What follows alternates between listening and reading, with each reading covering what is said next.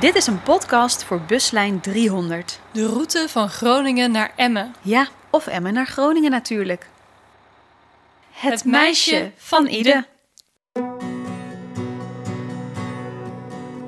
Drenthe wordt wel eens schatkamer voor archeologen genoemd.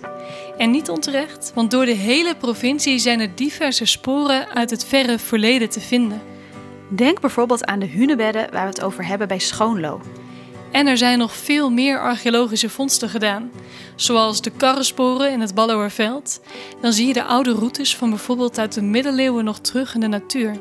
Of andere dingen die in de bodem zijn gevonden, zoals mammoetbotten, Vuistpijlen, speerpunten, goudschatten, muntvondsten. de oudste boot ter wereld. Serieus, in Drenthe? Ja, ja de kano van Pessen die is gevonden bij de aanleg van de A28. Die is Zo'n 10.000 jaar geleden met een bijl gemaakt uit de stam van een grove den. Oh, grappig.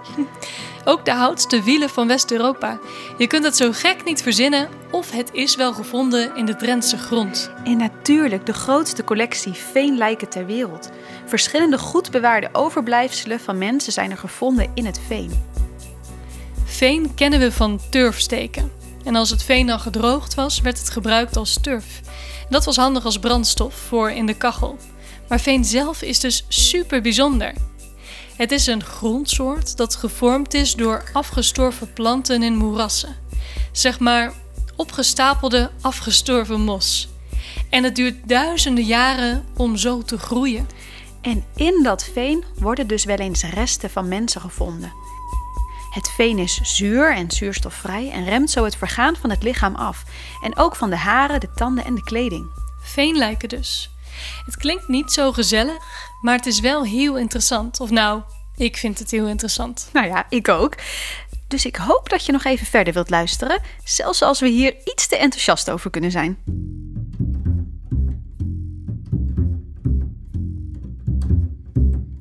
Je kunt van een veenlijk soms zelfs de vingerafdrukken nog verzamelen. Of het voedsel in de maag terugvinden, dat ook bewaard is gebleven. Een veenlijk is in veel gevallen zelfs beter bewaard gebleven dan Egyptische mummies. En dat in Drenthe. Hunebedden zijn ouder dan piramides. Veenlijken blijven beter bewaard dan mummies. Weet je hoe cool? Het beroemdste veenlijk van Drenthe is toch wel het meisje van Ide. Het goed bewaarde lichaam werd vernoemd naar de vindplaats Ide. En het lichaam staat sindsdien bekend als het meisje van Ide. Twee turfstekers waren rond 1900 de vinders van deze archeologische vondst, maar hielden dit in eerste instantie stil. Waarom? Kom ik zo op, wacht. Eh, van schrik gingen ze er vandoor en lieten het gevonden veenlijk liggen. Daarbij kwam dat ze eigenlijk, Annelieke, nu opletten, op die plaats illegaal aan het turfsteken waren. Zij zaten er dus niet op te wachten dat hun vondst uitkwam. Nee, maar zoals dat gaat in een kleine gemeenschap lekte hun ontdekking al snel uit. Dagen na de vondst van het meisje haalden de mannen de meeste lichaamsdelen en fragmenten van een mantel uit het veen. In de tussentijd hadden omwonenden haar tanden al meegenomen en trokken ze haar haar los. Zo onvoorzichtig, met zo'n bijzonder iets. Ja, onvoorstelbaar toch? Maar wel bleef het veenlijk verder in goede staat. Sterker nog, ze bleek perfect bewaard te zijn gebleven. Je moet bedenken, dit meisje leefde waarschijnlijk in de periode vlak voor of iets na de geboorte van Jezus Christus. Zo bijzonder. En het veen is dus nog ouder. In ieder geval, uit onderzoek bleek het meisje rond de 16 jaar te zijn geweest. En ongeveer 1,40 meter lang en zat blond haar. Ik dacht dus altijd dat ze rood haar had. Ja, ik ook. Maar eh, officieel is het blond haar. En misschien lijkt het gewoon wat rossig als je het ziet. Bij het naar boven halen uit de grond is ze wel iets beschadigd, maar haar gezicht was als leer. Hier is het misschien goed om te vertellen hoe zo'n veenlijk er eigenlijk uitziet. Ja, want charmant is het niet, hè? Nou nee, als je heel snel zou kijken, dan zou je het kunnen vergelijken met een verbrand lichaam. Want het is zwart en iets gekrompen. Of nou ja, het is gewoon uitgedroogd natuurlijk, net als met leer. En het bijzondere is dat de lichaamshouding nog precies zo bewaard is gebleven als dat ze ooit in het veen gelegd zijn. En dat zelfs ook de gezichtsuitdrukking nog precies te zien is. Dit 16-jarige meisje van Ida had een strop om haar nek en er was een plukje haar zichtbaar. Had niet overal meer haar op haar hoofd, want ze werd vlak voor haar dood gedeeltelijk aan één kant van haar hoofd kaal geschoren. Waarom dit gebeurde? Dat is niet helemaal duidelijk. Dat het hier om een offer ging is wel bekend. Maar de reden voor het offeren van deze 16-jarige vrouw was niet 1, 2, 3 vast te stellen. Onderzoekers vermoeden dat dit meisje van ieder geofferd is voor de vrede. Ze leiden dat dan af uit de zorgvuldige manier waarop mensen in het veen te rusten zijn gelegd.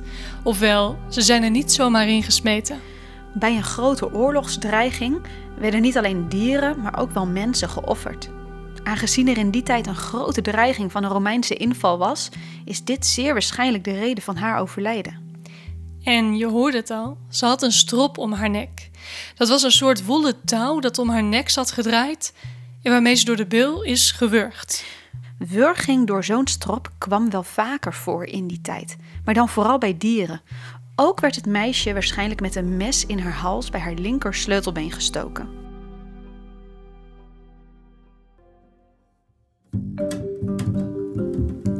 Benieuwd naar het meisje van Ide? Je kunt haar nog steeds bekijken in het Drents Museum in Assen.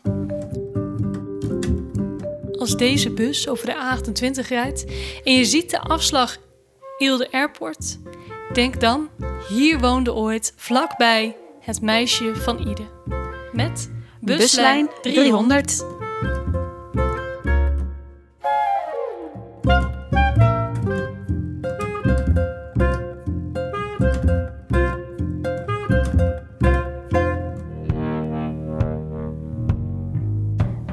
Wil je meer horen? Op Spotify zijn alle afleveringen van deze buslijn te vinden. En daar vind je ook de verhalen van andere buslijnen, zoals die van buslijn 65. Van Groningen naar Zoutkamp. We maakten dit luisterverhaal in opdracht van Qbus. De verhalen zijn geschreven door Riek Klauke en bewerkt en ingesproken door ons Theaterdocent Annelieke Knol en radiomaker Marjolein Knol.